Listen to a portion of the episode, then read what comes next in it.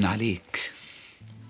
كل مر سيمر وكل آلام النفس ومعاناتها دواها التسليم. هون عليه كله بيعدي. مفيش حاجة بتقف. الزمن والوقت بيخلي كل حاجة بتعدي. الألم بيعدي والمر بيعدي والوجع بيعدي. حتى الموت بيعدي كله بيعدي. مفيش حاجة في الحياة ما بتعديش. هو السؤال مش إن كله هيعدي ولا لأ كله سيمر. السؤال إنت هتسيبه يمر ولا لأ؟ في مثال إسباني بيقول ما فيش أي مصيبة بتضل 100 سنة. ده مثال إسباني مع 100 مشهور سنة ده. كتير. آه، ده يمكن في حياة الأمم. فعلا. مفيش آه، أي مصيبة في حياتنا. فعلا. مش عايز أحط أرقام بس ما فيش حاجة. كله بيعدي كله بيمر.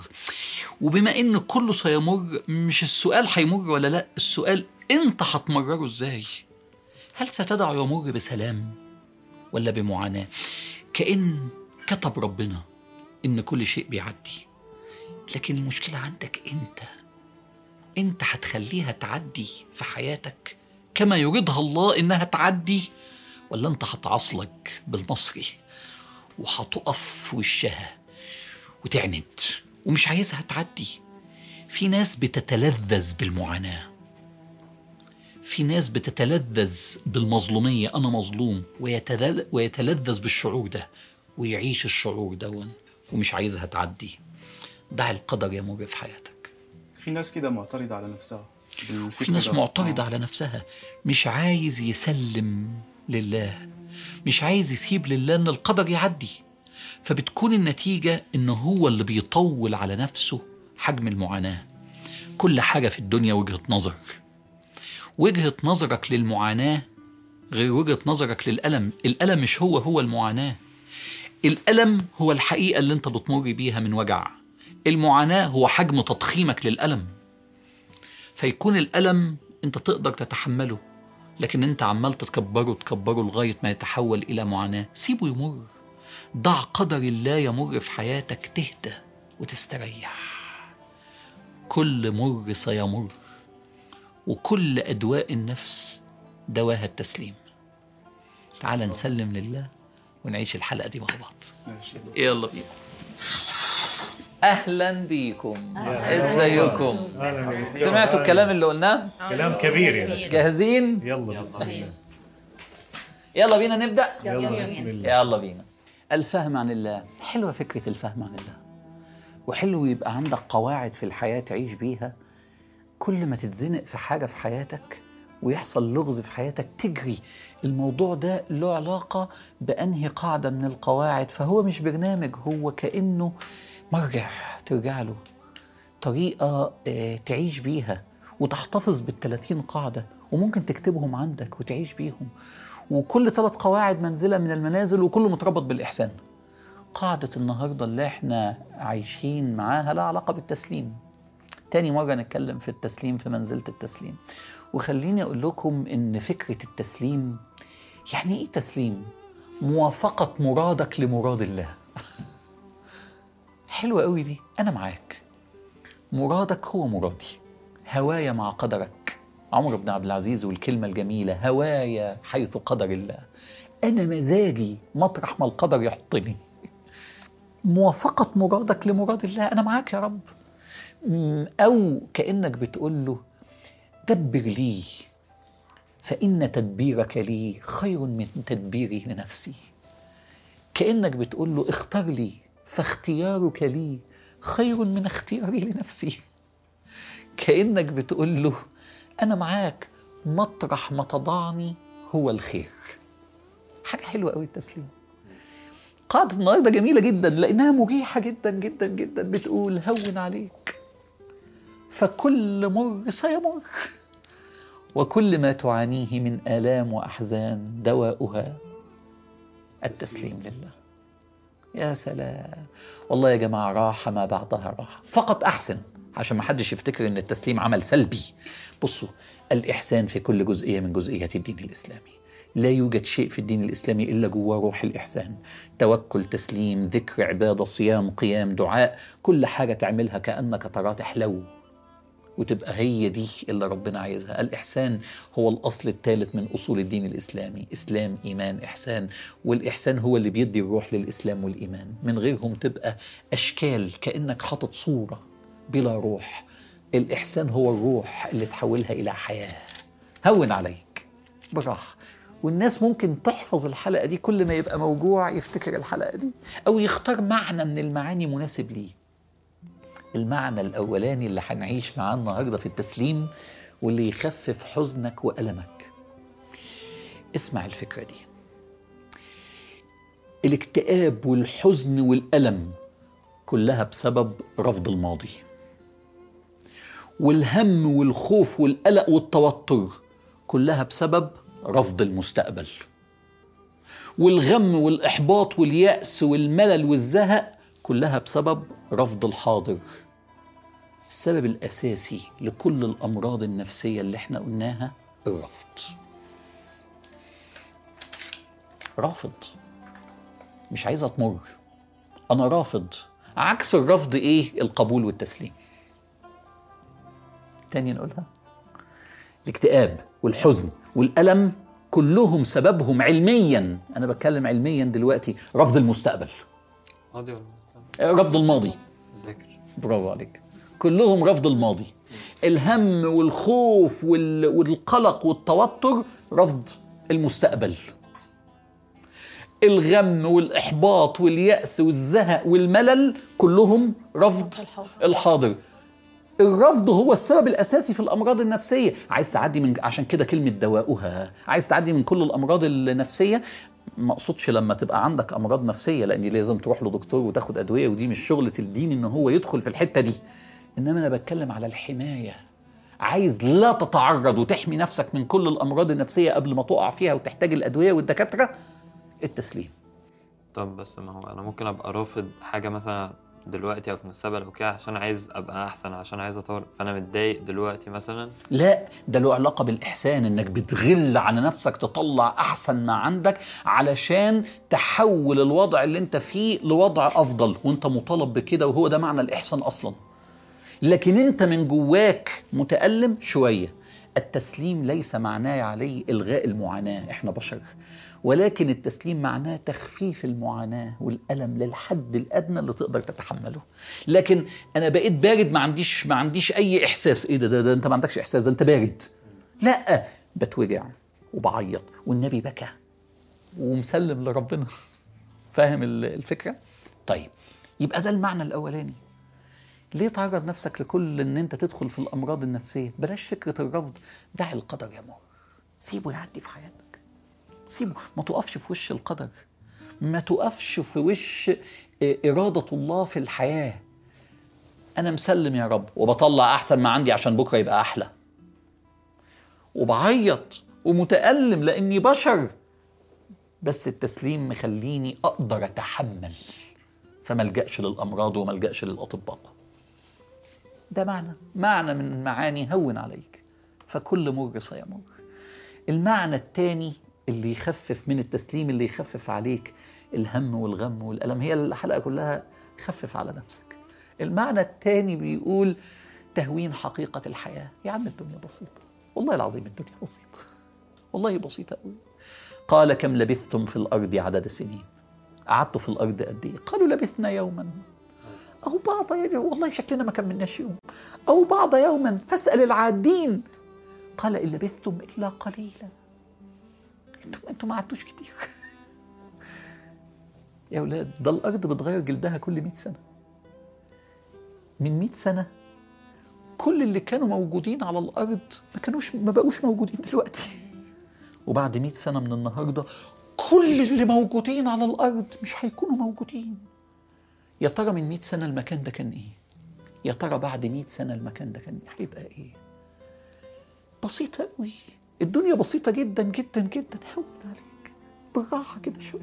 الموضوع بسيط يعني. ما تكبرش الدنيا قوي. بلاش تشوفها تحت الميكروسكوب وتقعد تضخم فيها عشان انت عايز تضخم المعاناة بتاعتك وتعيش إن انت بتعاني. في ناس بتتلذذ بالمعاناة وبالمظلومية. أنا مظلوم وبيستشعر علشان هو مش عايز يحسن ومش عايز يشتغل فبيستمرئ وينبسط بالعيش إن هو ضحية. هون عليك الدنيا بسيطة. بس ده حدش يفهم كلامي إنك ما تحسنش أنت مأمور بالإحسان. وإنك تشمر وتنتج وتطلع أحلى ما عندك وتحب الدنيا. بس الدنيا بسيطة. و... ومش معنى كده. ده في كتاب اسمه فقه حب الحياة للدكتور علي جمعة. حب الحياة ده ده أساس عند النبي صلى الله عليه وسلم. وربنا آتنا في الدنيا حسنة وفي الآخرة حسنة. فآتاهم الله ثواب الدنيا وحسن ثواب الآخرة والله يحب المحسنين. يا عم أنا بحب الدنيا وبحب وبعرف أنبسط في الدنيا بالحلال طبعا لكن الدنيا بسيطة الدنيا بسيطة. فلما يجي الألم هون عليك. كله بيعدي الدنيا بسيطة خالص وإن يوما عند ربك كألف سنة مما تعدون. يعني يعني أنا جدي خالد الله يرحمه جدي لأبويا توفى حاجة سنة حاجة و80 1900 وحاجة و80 84 85 جدي كأنه لسه داخل القبر بيمسح عرقه دلوقتي. 1980 ما إن يوما عند ربك كألف سنة مما ولا حاجة أنت بتتكلم فين الدنيا بسيطة. حتى أحاديث النبي صلى الله عليه وسلم عن الدنيا إحنا فاهمينها غلط. يعني إيه أحاديث النبي على الدنيا؟ إيه إيه- إحنا ساعات بنفهم أحاديث بعض أحاديث النبي إن النبي بيقول لنا مش مهم الدنيا واعتزلوا الدنيا. هو مش بيقول لك كده هو بيقول لك بالراحة. بسيطة قوي. مالي وللدنيا ومال الدنيا ومالي. حديث للنبي صلى الله عليه وسلم. أنا مال الدنيا ومال الدنيا ومالي. إنما مثلي ومثل الدنيا كرجل مشى في يوم شديد الحر. ألم الدنيا ومعاناة الدنيا. فاستظل تحت شجره ساعة ثم راح وتركها. صلى الله عليه وسلم. اللهم صل وسلم وبارك على سيدنا محمد. أنتوا الناس بقى فهمت الحديث ده غلط. فهمت الحديث ده إيه؟ اعتزل الدنيا. أمال هو يقصد إيه؟ يا عم. هون عليك.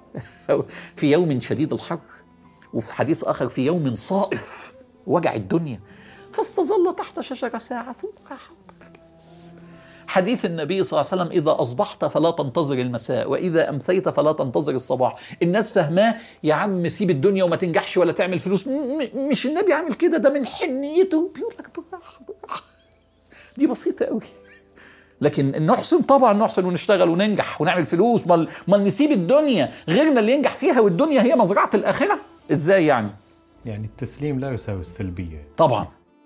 شوف حديث النبي صلى الله عليه وسلم لو كانت الدنيا تعدل عند الله جناح بعوضة ناموسة ما سقى الكافر منها شربة ماء؟ لو هي تساوي عنده ما كانش سقى ال- الكافرين بيه اللي بيجحدوا وجوده وهو مالك الملك شربة ماء فعلا. يبقى هي ما تساويش جناح بعوضة. هات ناموسة موت الناموسة شد جناحها بص. الدنيا بقى بكل اللي فيها ما تساويش عند الله جناح بعوضة. انت بقى ليك كام في جناح البعوضة؟ ارمي بقى جناح البعوضة. طب إيه يبقى خلاص ما اعملش حاجة في الدنيا واعتزل يا ابني غلط انت ليه مصر انك تفهمها كده؟ ده هو من حنيته بيقول لك والله بسيط. دي هي لو كانت لها قيمة كان ربنا معذب في جواه سابهم انبسط يعني. يهدي المعنى ده تاني. هون عليك.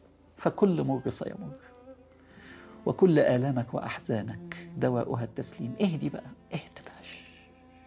اهدى ما تزعلش قوي ما تكبرهاش قوي. طيب معنى تاني من معاني من معاني التسليم اللي تخليك كده تهدى وتخفف ألمك اشتغل على المتاح يفتح لك غير المتاح. دنيوي قوي ده. ليه علاقة ده بالتسليم وال- والهم والحزن؟ لأن أنت في إيدك إيه؟ في إيدك حاجات متاحة اشتغل عليها بإحسان. ومش في إيدك إيه؟ حاجات تانية كتيرة. سلم لله. فأنت عندك دايرة فيها دائرة تأثيرك. إحسان. بره دائرة تأثيري تسليم. أهي. أهي بصوا الرسمة أهي. بصوا. داخل دائرة تسلي... تأثيرك إحسان والسهم الأسهم اللي بره دي عمال بتزود بالإحسان بتاعك بتزود دائرة عشان تكبر الدائرة بتاعتك. طب والدائرة الكبيرة دي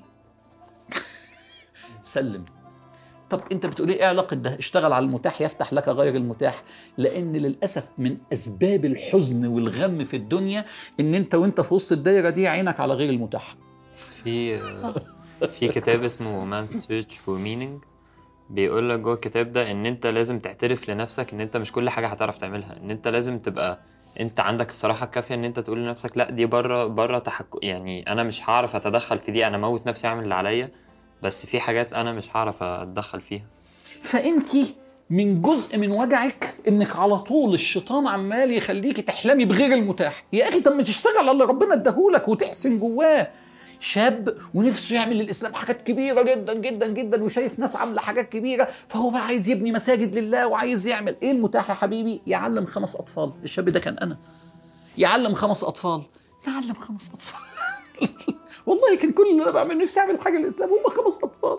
بعلمهم نقرأ قرآن ومبسوط قوي قوي قوي قوي قوي قوي اشتغل على المتاح يفتح لك غير المتاح. هي قبل ما تتجوز كان بتصلي كتير في رمضان وبتتعبد كتير. لما اتجوزت بقى عندها عيال مش قادرة تتعبد. خلاص أنا بقيت وحشة. يا بنتي اشتغلي على المتاح. لا ما أنا يا ما أصلي زي ما الأول يا إما أنا بقيت بعيد عن ربنا. اشتغل على المتاح. آه عشان كده ربنا سبحانه وتعالى في الحديث القدسي قال من تقرب إلي شبرا أنا قابل الشبر. عمرك فكرت في الحديث كده؟ أنا موافق على الشبر. اشتغل على الشبر. من تقرب إليه شبرا أوسع له الدايرة. تقربت إليه ذراعا. ومن تقرب إليه ذراعا تقربت إليه باعا. ومن أتاني يمشي اتيته هروله يمشي. اشتغل على المتاح. اهدى بقى. اهدى. ما تقعدش تتعب نفسك باللي مش في إيديك هتتعب. هون عليك. حلوة الأفكار. طيب ناخد اللي بعدها. هون عليك اللي هي الفكرة الأساسية بقى فكل مر سيمر. كله بيعدي. فاكر أكبر مصيبة حصلت لك في حياتك؟ أكبر مصيبة حصلت لك في حياتك. إيه اللي باقي منها دلوقتي؟ ولا. راح مش يمكن ساعات بتضحك عليها؟ صح. طب أنت كنت بتعيط ساعتها قد إيه؟ منهار مش كده؟ طب ودلوقتي؟ إزاي يعني؟ عدت. كله بيمر. اللي سترك في الماضي يسترك في اللي جاي. واللي قواك في الماضي يقويك. مش أنت زي ما أنت؟ مش أنت بتحاول ترضيه؟ يضيعك ليه؟ يا عم اللي سترك زمان بلاش بقى مخاوف الشيطان بيقعد يخوف فينا ويعمل سلاسل الوهم. هترفد وبعدين عيالي هت... هتتشرد وبعدين مش هلاقي مدارس أدخلهم وبعدين هطلق مراتي. أنا انهارت وهو قاعد على مكتبه. يعني ما فيش حاجة حصلت. هون عليك كله بيعدي كله بيعدي بالراحة بالراحة. هون عليك بس اتقي الله. فمن اتقى وأصلح فلا خوف عليهم ولا هم يحزنون. هون عليك بس وأيقن في الله وحسن ظنك بالله. أنا عند ظن عبدي بي هون عليك وتوكل على الله ومن يتوكل على الله فهو حسبه. أنا مسؤول عنك. هون عليك وسلم أمرك لله معقول تسلم ويضيعك. هون عليك واعبده. ولا يزال عبدي يتقرب إلي بالنوافل حتى أحبه. فإذا أحببته كنت سمعه وبصره وقدمه. هون عليك. هون عليك وصلي كتير على النبي فهو بيقول لا يصلي علي مكروب إلا فرج الله عنه كربة. هون عليك واقرأ سورة يوسف لا يقرأها محزون إلا سري عنه. هون عليك وافتكر شفاعة النبي ليك طول ما أنت ماشي على خطاه لأن شفاعته هي تهوين عليك يوم القيامة. هون عليك وافتكر حوض النبي لأن حضنه ليك يوم القيامة يهون عليك يوم القيامة في عطش يوم القيامة. هون عليك كله بيعدي. ممكن تهدي بقى. ممكن تهدى. والله الدنيا بسيطة. طيب معنى كمان. مقارنة الدنيا بالآخرة. بتقارن إيه بإيه؟ يا عم ده إحنا داخلين على حاجة حلوة قوي قوي قوي خلينا نعدي بسلام ونروح. ده إحنا بس معديين ورايحين. مقارنة الدنيا بالآخرة. يقول النبي صلى الله عليه وسلم مثل الدنيا في الآخرة كما يضع أحدكم إصبعه في اليم. بحر نهر. حطيت إصبعك فلينظر بما يرجع. ولا حاجة إيه المثل ده يا رسول الله؟ قول اللهم صل وسلم وبارك على سيدنا. ولا حاجة إيه ده, الدنيا في الآخرة. يقول النبي صلى الله عليه وسلم يؤتى بأنعم أهل الدنيا. أكتر واحد اتنعم في الدنيا يا ترى مين ده؟ وهو من أهل النار والعياذ بالله. فيغمس غمسة. في النار غمسة يعني مقدار ما تاخد نفس. ثم يقال له هل رأيت نعيما قط؟ فيقول لا والله يا رب ما رأيت نعيما قط. كل الدنيا اللي اتنعمت فيها. ويؤتى بأشقى أهل الدنيا. كان عنده مرض مزمن ده الله أعلم ولا مات كل أهله ولا ولا حصل له إيه ده؟ بأشقى أهل الدنيا وهو من أهل الجنة. فيغمز غمسة في الجنة نفس واحد في الجنة. هل رأيت شقاء قط؟ فيقول لا والله يا رب ما رأيت شقاء قط. بتتكلم في إيه؟ بسيطة خالص. الجنة هي اللي باقية. أي حاجة تقسمها على ما لا نهاية تساوي صفر. صح؟ هتعيش بقى كام سنة؟ وخدت فلوس قد إيه وعملت و و و اقسم على ما لا نهاية صفر. ولا حاجة. ولا حاجة. يعني تقدر تقول إن الدنيا كأنها شبه عالم افتراضي. والحقيقة هي في الآخرة. الحقيقة هي في الآخرة. وبدأ الغرب يقول كلام زي كده. إن ده شكله ظل للحقيقة. وإيلون ماسك قال الجملة دي في انترفيو قريب قال اشعر إن إحنا مش في الحقيقة إحنا في عالم افتراضي. ولما تفتح كتب السلف يقول لك الدنيا ظل الآخرة أنت كأنك ماشي في ظلك. هون عليك. اهدي بقى اهدي الموضوع بسيط قوي. هون عليك وما تزعلش قوي من التحديات والمصايب بتاع الدنيا فبها تكتب القصص الكبرى في الحياة. انت عايز يتكتب فيه قصة يعني عايز تقعد مع أولادك تحكي لهم ابوكوا حصل لكم إيه؟ يا أولاد أنا نجحت. طب ربنا يوفقك. تخيل مثلا محمد صلاح كان اتولد كده بيلعب في ليفربول يعني. ده أنا اتمرمطت وتعبت وحصل لي وحصل لي وحصل لي وبعدين نجحت. دي قصة تتكتب. يبقى التحديات اللي أنت زعلان منها بتكتب قصة حياتك. تخيلوا تخيلوا لو سيدنا يوسف تاه من أبوه. كويس؟ لقوه بعد أسبوع ورجع له. فين قصة سيدنا يوسف؟ يعني نحكي إيه؟ يعني إيه الموضوع؟ مفيش موضوع مفيش قصة مفيش يوسف أصلا. إنما القصة عايشة لغاية النهارده بتحكيها البشرية في كل الأديان وبكل لغات العالم لأنها قصة تتحكي. ما تزعلش من التحديات عايز تكتب القصة ولا مش عايز تكتب القصة؟ تخيل لو سيدنا موسى راح لفرعون يا فرعون أنا بدعوك إلى الإسلام. قال له والله معك حق يا موسى أشهد أن لا إله إلا الله. رسول الله. فين قصه سيدنا موسى. تخيلوا لو النبي صلى الله عليه وسلم راح لأبو جهل. أول حاجة أبو جهل يا معشر قريش كلنا مع محمد. فين ال 23 سنة؟ نحكي إيه؟ يبقى فين السيره النبوية اللي إحنا عايشين بيها لغاية النهارده؟ قول اللهم صل وسلم وبارك على سيدنا محمد. من غير المعاناة بتاعه مكة مفيش قصة تتحكي. ما تزعلش بقى اهدى بقى اهدى وسلم. ده بيكتب لك قصة انت عايز تفضل صغير خليك بقى صغير. فيحصل إيه؟ لا مش عايز تكتب القصة. فانا مسلم ومش هكمل إحسان وزعلت من التحديات. طب انت بقى خليك صفر ومش هتكتب لك قصة في الحياة وادخل الدنيا واخرج منها زي ما دخلت. انت عايز إيه؟ ما هو ما هو زي بالظبط. اللي عايز المثل اللي انت قلته لي واحد عايز عليك بيقول لي المثل اللي امبارح واحد عايز يخش الجنة من غير ما يموت. يخش الجنة إزاي؟ واحد عايز يعمل قصة وعايز يبقى له قيمة وإضافة في الدنيا من غير تحديات. يا ابني ما ينفعش. ما فيش قصة تتحكي. ما- مالكش حاجة عندنا. لا أنا مش عايز تحديات. خليك صفر هون عليك بقى. خلينا نرجع للموضوع. هون عليك. هون عليك بس أحسن. وسلم. بس هم كلمة هي المعادلة كلمتين هي الخلطة كلمتين. تسليم وإحسان. هون عليك آخر حاجة وعيش معنا. لا حول ولا قوة إلا بالله. لأن كلمة التسليم لما تحب بقى تمارسها عشان ممكن تقولي طيب يا سيدي كل الكلام اللي أنت قلته لي دي أعمل إيه بقى؟ السبحة دي وذكر كل يوم 100 مرة. إحنا هنا بنعمل كده كل يوم الفجر. يعني إحنا إحنا عايشين كده. حتى هنا في التصوير إحنا مش جايين نصور إحنا طالعين رحلة روحية. 100 مرة لا حول ولا قوة إلا بالله. وأقعد أنا أفكركم أقول لكم إيه؟ يا جماعة لا فاعل في الكون إلا الله. فقول لا حول ولا قوة إلا بالله. لا فاعل في الكون. لا يكون في ملك الله إلا ما يريد الله. لا يجري تحت سمائه إلا ما يريده هو وحده. سلم بقى. أو اخبط دماغك في الحيط. لا حول ولا قوة إلا بالله. لا حول. يقول النبي صلى الله عليه وسلم لا حول ولا قوة إلا بالله. كنز من كنوز الجنة. لأن الجنة من أحلى الحاجات اللي فيها راحة البال. فأنت لما بتقول لا حول ولا قوة إلا بالله خدت حتة من الجنة لأن حصل لك راحة بال زي اللي في الجنة. لا حول ولا قوة إلا بالله. لا حول ولا قوة إلا بالله. لا حول ولا قوة إلا بالله. يقول عنها النبي دواء لمئة داء. أدناهم الهم. يا نهار أبيض لما أدناهم الهم يبقى اللي فوق إيه؟ كل الأمراض النفسية. طب والتسليم يتحقق بإيه؟ لا حول ولا قوة إلا بالله. كل يوم لازم يبقى ورد. ورد ذكر عندك لا حول ولا قوة إلا بالله. وأنت بتقول لا حول ولا قوة إلا بالله من معانيها لا حول عن المعصية ولا قوة على الطاعة إلا بالله. أنا بطيعك أنا بعبدك بتوفيقك ليا. أنا سجودي وقيام ليلي وذكري ليك ده بتوفيقك ليا. أنا حمدي ليك من توفيقك ليا. لا حول عن المعصية ولا قوة على الطاعة إلا بالله. لا حول عما يؤذيني ولا قوة على ما ينفعني إلا بالله. لا حول عن التحديات ولا قوة على النجاحات إلا بالله. كله بلا حول ولا قوة إلا بالله. أنا على بعضي كده كده مغموس جوه. لا حول ولا قوة إلا بالله. تقولها يحصل لك إيه؟ اهدي بقى. اهدى اهدى اهدى. أما قاعدة اليوم مريحة بشكل والله والله مريحة. يا عم الدنيا بسيطة. يا عم الدنيا في الآخرة ما تسويش حاجة. الآخرة هي اللي باقيه وإحنا رايحين. ده إحنا في الظل. ده إحنا في شبه عالم افتراضي. يا عم كل الأمراض النفسية سببها الرفض أنا مش رافض أنا سايب القدر يمر في حياتي مش هقف في سكة القدر.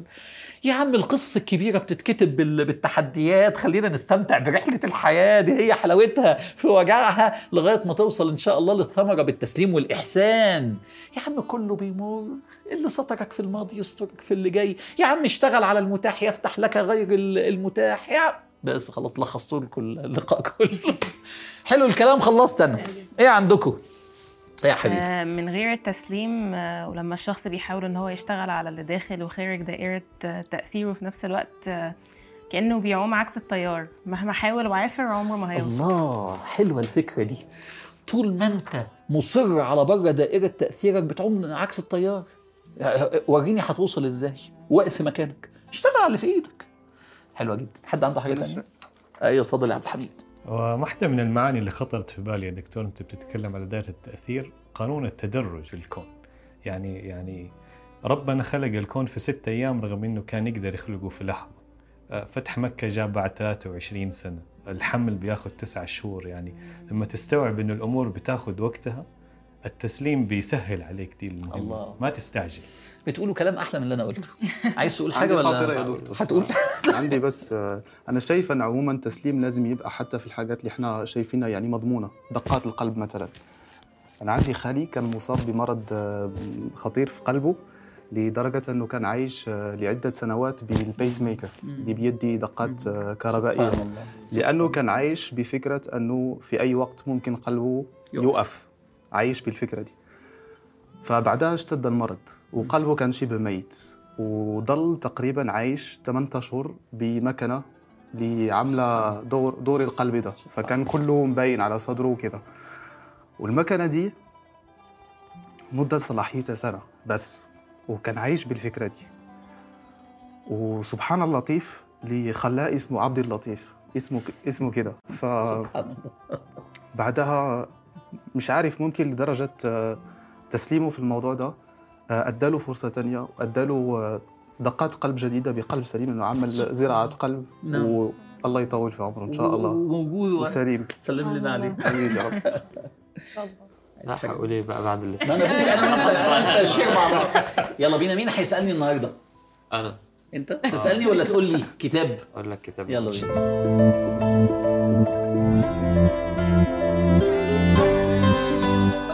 حلقه النهارده اشتغل على المتاح. آه، يفتح لك غير المتاح. مظبوط. فهو الكتاب النهارده ده فنان اسمه ناجي العلي. هو كان آه، رسام كاريكاتير. رسام كاريكاتير هو عمل كتاب لفلسطين. الطفل ده اسمه حنظلة. هو شخصية كرتونية معمولة. بس هو حنظلة دلوقتي بقى مشهور أكتر من ناجي العلي أكتر من أي حد. يعني حنظلة لما بتروح فلسطين تجيب ميداليات أو أي حاجة بيبقى دايما حنظلة هو الطفل الفلسطيني اللي بيتفرج على الأحداث مم. فهو ناجي العلي هنا مثلا هو اشتغل على المتاح مم. على ال استنى آه. ده هو آه. كله أوريك مثلا آه، حاجة هو كان عاملها هنا مثلا هو ال- الأم الفلسطينية وهي بتحاول تمسك في أرضها. وهو واقف بيتفرج هنا فهو في كل رسمة حنظلة واقف بيتفرج. بيتفرج وفي حاجة بتحصل. بالظبط. فهو اشتغل على المتاح. عامة بقى أنا يعني يعني إيه يشتغل على المتاح؟ يعني هو اشتغل على اللي عنده اللي هو الرسم والكاريكاتير. آه هو ما عندوش غير الرسم والكاريكاتير. وصل رسالة كبيرة موضوع فلسطين والقدس والمسجد الأقصى موضوع كبير جدا جدا جدا. فهو قال لك أنا إيه المتاح عندي؟ حلو قوي إن أنت جبت الكتاب أنا المتاح عندي رسم كاريكاتير. بس. فانتشر جدا. بس فأنا بقى اللي عايز أوصله برضو حاجة لفلسطين إن كل واحد لو اشتغل على اللي عنده واللي هو يقدر عليه أنا مش بتكلم على بقى رسم أو كتاب يعني مش بتكلم على الحاجات الكبيرة بتكلم بس على ال- بتكلم إيه؟ عامة على الأم في بيتها إن هي تفكر ولادها إن إحنا تحببهم في المسجد الأقصى. المسجد الأقصى في فلسطين في القدس الأم في بيتها كل لعيب الكورة مثلا في احتفاله مثلا يعني أب. الأب يعني كل واحد لو دور على المتاح عنده عشان يعمل حاجة يبقى بس يبقى بس حاسس إن هو يعني منتمي لسه لفلسطين والمسجد الأقصى. هيكون عمل حاجة كبيرة عملت لأن حاجة كبيرة المتاح. هيفتح غير المتاح. واللي بتعلمه الواحد يعني أنت هتاخد ثواب الواحد ده وهتبقى فتحت يعني أنت ممكن الواحد ده هو اللي يعمل حاجة بعد كده بس أنت عملت اللي, تقدر عليه. حلو قوي عليه. بس. حلو قوي يلا بينا.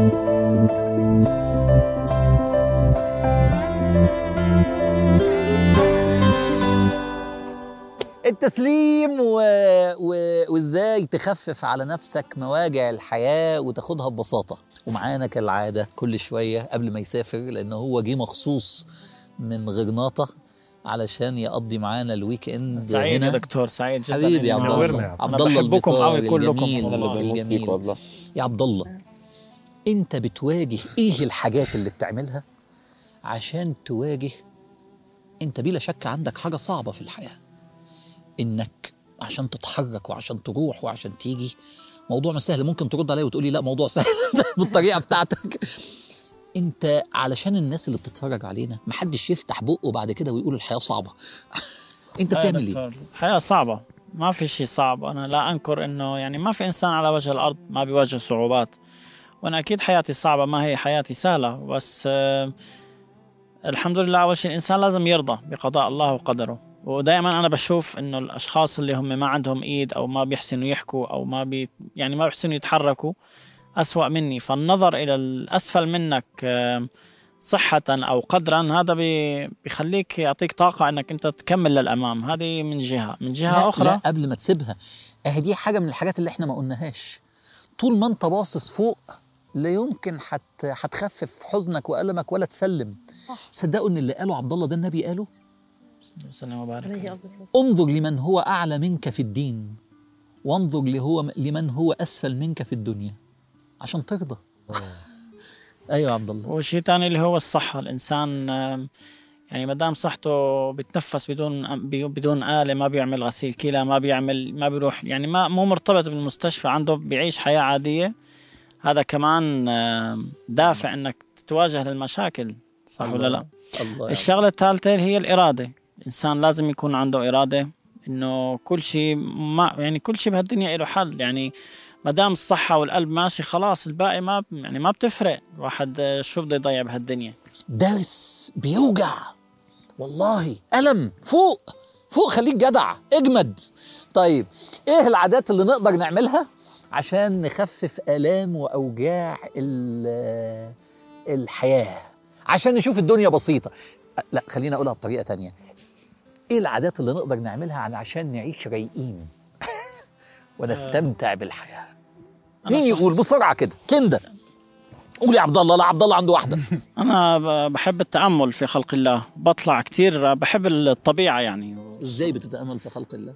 يعني مثلا إحنا هون في مكان آه، في صوت مي وأشجار.